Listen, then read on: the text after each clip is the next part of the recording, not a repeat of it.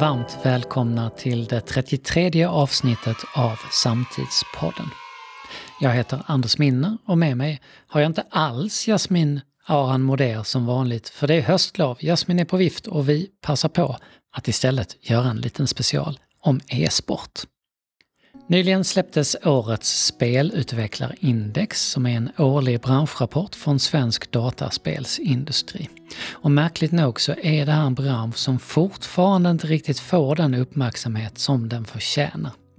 På tio år har omsättningen i branschen ökat från drygt en miljard till nästan 35 miljarder. Och där vi för ett decennium hade 115 bolag har vi nu 667.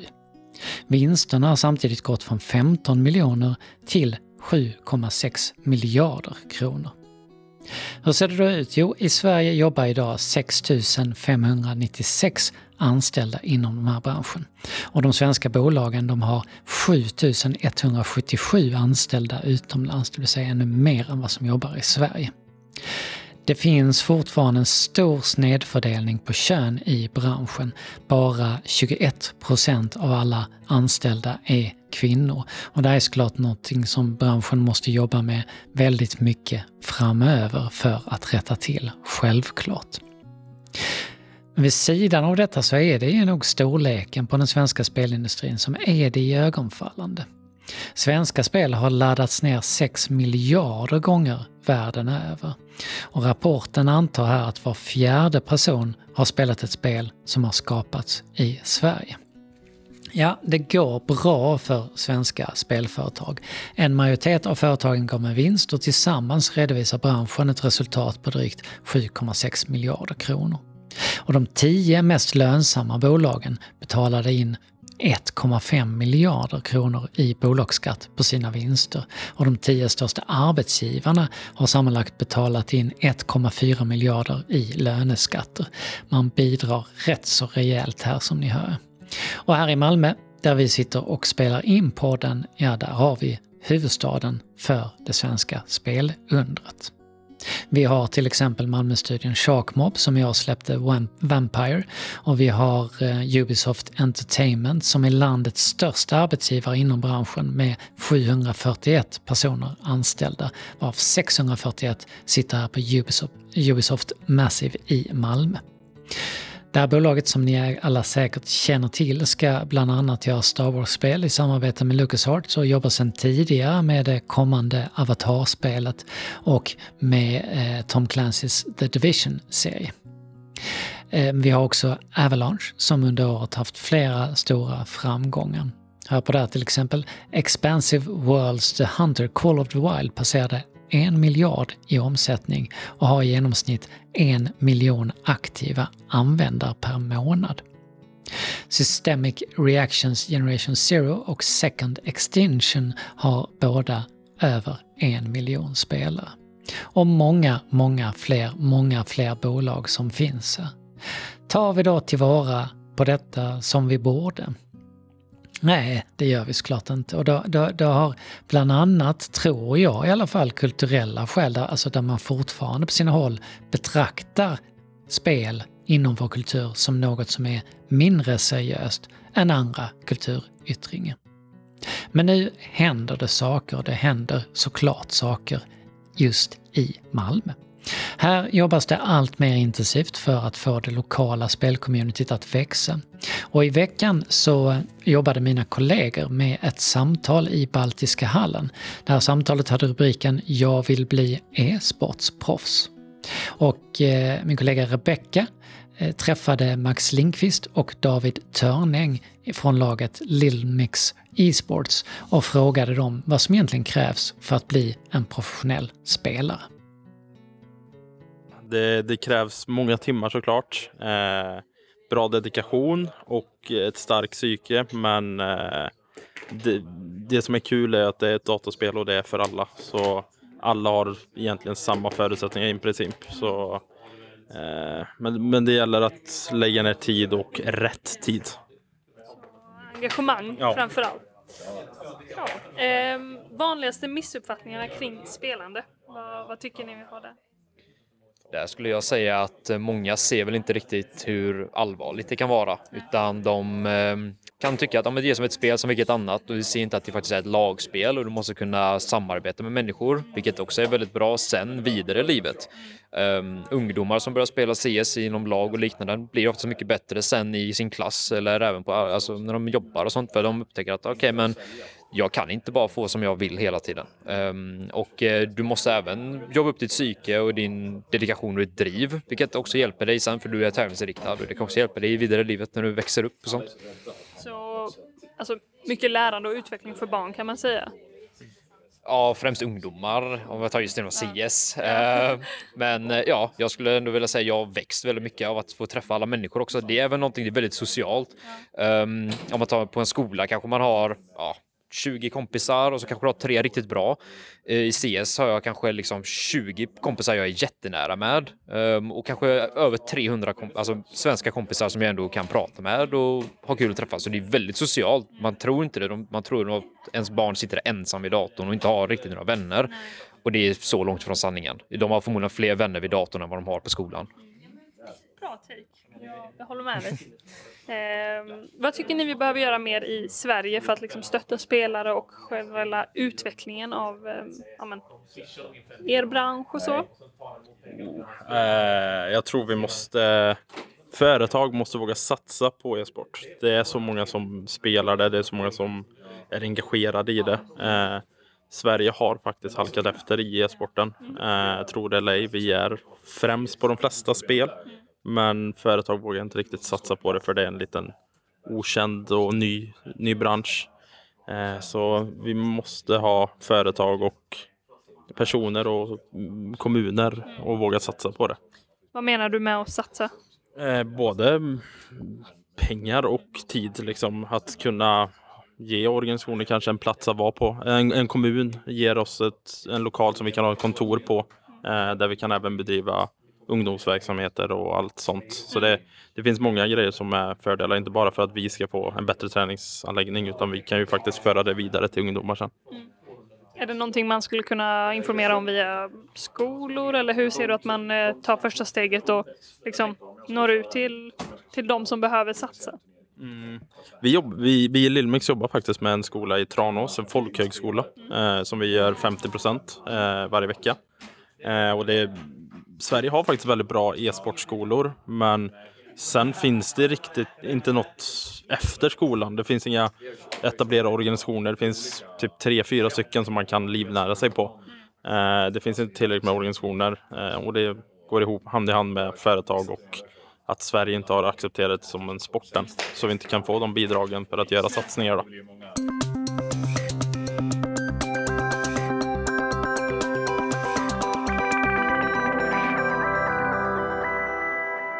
Och här hörde ni alltså Max Lindqvist och David Törning från Lilmix Esports. Och nu ska vi prata om The Game. Och vad är då detta för någonting? Jo, det här är ett koncept som håller på att utarbetas i Malmö. Bakom finns såklart Malmö stad, men även aktörer som Atrion Ljungberg och Massive Entertainment. The Game är en tanke och en vision och här tänker man sig att det ska vara en mötesplats och ett upplevelsecenter för spelvärldens användare, producenter och intressenter. Vi har fyra stycken innehållsteman i The Game. Ett kallas för Meet, det är öppna mötesplatser där man kan träffas, gamers och andra. Vi har Experience, utställningar för inspiration och lärande. Play, ett interaktivt spelområde och View som ska vara en e-sportshubb. Och jag säger välkommen till min kollega Sofie Granat. Hej Sofie! Hej Anders, tack så mycket! Du Sofie, eh, vi på Altitude Meetings är ju eh, involverade i arbetet med The Game och du är väldigt involverad i, eh, i arbetet. Vad gör vi och vad gör du i The Game-utvecklingen? Ja, men, eh, Atom Ljungberg som har eh, driver det här konceptet nu och tittar vidare på möjligheterna att bygga eh, faktiskt det här huset. Eh, de håller på att utveckla konceptet, de här fyra delarna. Vad ska de exakt innehålla? Eh, och där har vi eh, fått uppdraget att hjälpa till med den här processen. Så jag har processlett eh, olika workshops eh, utifrån de fyra olika delarna med eh, in, branschmänniskor från spelvärlden eh, och både här från Malmö men också från hela Sverige. Och sen så nu senast hade vi en aktivitet på en e-sportsfestival under höstlovet. Just det, och det var den som, som eh, vi lyssnade lite grann med ljud på här i, i precis nyligen. Ja. Det, om vi kikar Sofie på de här eh, fyra delarna, bara för att ge lyssnarna en liten bild av vad The Game kan komma att bli. Vi har ju först den här öppna mötesplatsen, Meet. Vad är, hur, hur är den tänkt att, att bli just nu, i alla fall i processen? Ja men tanken är ju lite med det här huset att eh, Alltså det, spelindustrin är jättestor i Malmö, men det är också jättemånga som står utanför spelindustrin och inte liksom får ta del av hur stor, den, hur stor plats den tar i Malmö. Så det här huset är ju en plats för att eh, välkomna de som redan är invigda i spelbranschen, men också vara en plats för de som faktiskt inte är i spelbranschen eller känner till spelvärlden idag, att faktiskt komma dit. Och där är mötesplatsen en jätteviktig del. Eh, och det, där ser man ju framför sig att det kommer vara någon typ av restaurang, bar, eh, kanske en del mötesrum så att man faktiskt ska kunna komma som företag och ha en konferens som inte alls är knuten till spel, men också att det ska vara en naturlig plats för eh, spelindustrin att mm. mötas. Mm. Och sen har vi Experience, eh, utställningar för inspiration och lärande. Är, är detta mot skolungdomar eller vem, vem, vem är målgruppen här egentligen? Målgruppen är eh, både väldigt nischad. Det kan vara, eh, man pratar om att man ska ha en fast utställning som är lite mer kunskapsbaserad för kanske den här morfan som kommer med sitt barn som ska spela Fifa i två timmar, att han ska mm. kunna gå och titta på och få lärdomar om spel, att det faktiskt är så här många gamers som finns i Sverige. Eh, och sen att man ska ha en ambulerande utställningsdel som är mer kanske, det kan vara ett eh, sätt eh, hur man kan lära sig genom spel. Men det kan också vara till exempel en Minecraft-utställning eller eh, en The Sims-utställning. Mm. Eh, den typen av eh, och där känner man ju redan nu liksom vilket tomrum det där finns. Alltså, spel är ju jättestort, har varit fantastiskt stort länge, men varit alltid lite vid sidan av liksom mainstream-flödet egentligen och inte kommit in i, i medierna på lika villkor som annan kultur. Men det är klart, man känner ju redan nu när du berättar hur kul det hade varit att gå och se på utställningar om, om detta, för att det, det är så många människor som har relationer till till den här kulturen. Vi har Play också, eh, ett interaktivt spelområde. Berätta om det. Ja, men det är ju väldigt mycket som det låter. Där handlar det om att spela spel. Eh, och det kan vara att eh, spelindustrin sätter dit eh, testspel som man vill se, funkar mm. de? Men det kan också vara riggade Fifa-stationer där man bara kör turneringar eller man ska kunna gå dit och sitta och spela själv. Eh, så där ser man ju framför sig bara liksom, ja men ett labb av alla möjliga spel och som har alla möjligheter liksom att testa, prova. Eh, från nybörjare till avancerade spelare. Ja, gud vad roligt. Eh, jag har varit på ett, eh, det finns ett eh, dataspelsmuseum i Berlin som är jättefint, där de har gjort små rum för olika tider. Mm. Så att eh, om man går 70-talsspelen, de finns då i ett, liksom ett 70-tals vardagsrum som är med, med, den typen av möbler och den typen av ljus. Så man kan sitta i en 70-talssoffa och spela ett 70-talsspel och likadant i 80-talet och 90-talet. det var så fruktansvärt roligt och så himla fint. Men, men just det här att, att faktiskt gå in och, och spela med andra Mm. Eh, över åldersgränser ofta, blir ju väldigt, väldigt roligt. Otroligt ja. kul. Du, eh, den sista här, View, det är en e-sportshubb med eh, tanken att det ska finnas en arena för publika event. Berätta om det. Ja men eh, där, i den workshopen som vi hade just om den här delen så eh, målade vi upp liksom lite olika scenarier. Vad är det man vill se här? Och det vi kom fram till som är liksom attraktivt är ju den här stora turneringarna där man sitter och tittar på eh, kanske två lag som spelar och sen som en stor eh, storbildsskärm där man ser då hur de olika, hur det liksom man ser då en bild av spelvärlden.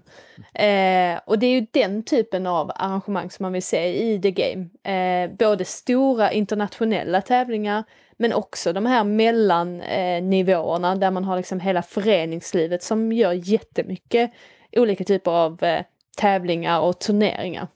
Eh, så det är publika turneringar eh, är det man ser där. Ja, väldigt spännande och, och, och, det är så här att det, det är oklart var det här kommer att ta plats. Det är också lite oklart när, det är mitt i processen.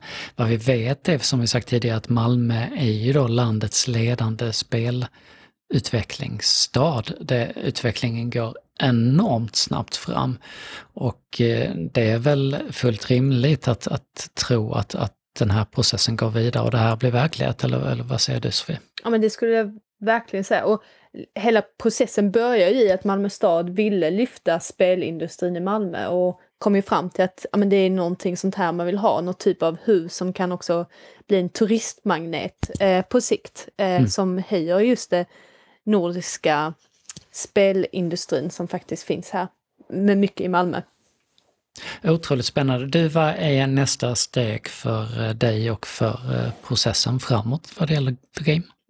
Ja, men eh, nästa steg skulle jag säga att ta vidare alla de här uppslag som vi nu under detta året har samlat in till konceptet, alla tankar, idéer, möjliga samarbetspartners och koka ner det till någonting som blir mer konkret och, och sen också hitta den fysiska platsen skulle jag säga.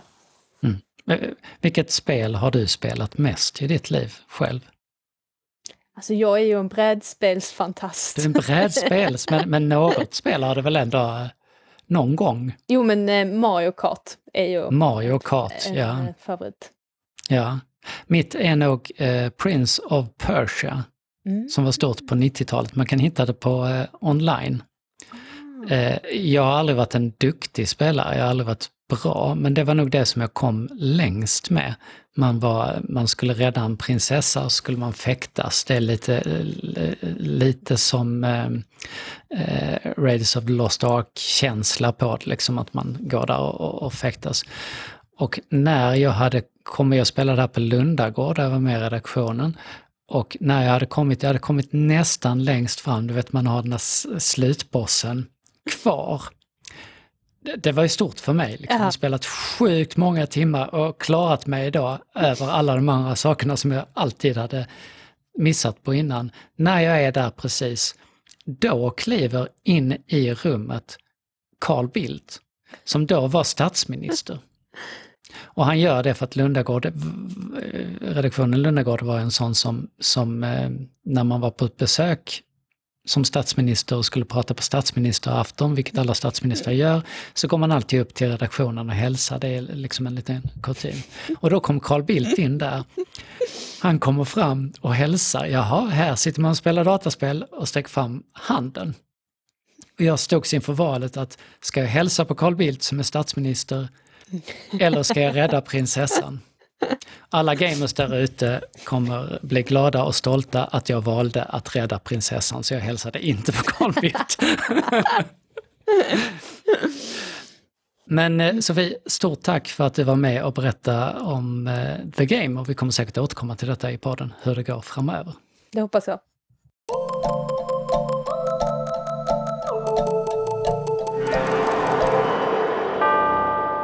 Det är fredagen den 5 november och idag, år 1605, inträffar krutkonspirationen då parlamentet i England skulle sprängas i luften. Här avslöjar man såklart konspiratören Guy Fawkes börjar fira Guy Fawkes i Storbritannien 1606. Det här kallas för Guy Fawkes Night och ni känner säkert till ramsan “Remember, remember the 5th of November, Gunpowder Treason and Plot”. 1968, idag, vinner Richard Nixon presidentvalet i USA. Idag, 1983, så grips eh, The Clashs trummis Topper Heddon för att han har varit ute och gått med sin hund när han varit berusad oklart om detta är tillåtet i Sverige eller inte, men när han grips i London så är det alltså inte tillåtet att göra detta. Och idag, idag, idag, 2021, så återkommer plötsligt ABBA med ett första album på 40 år.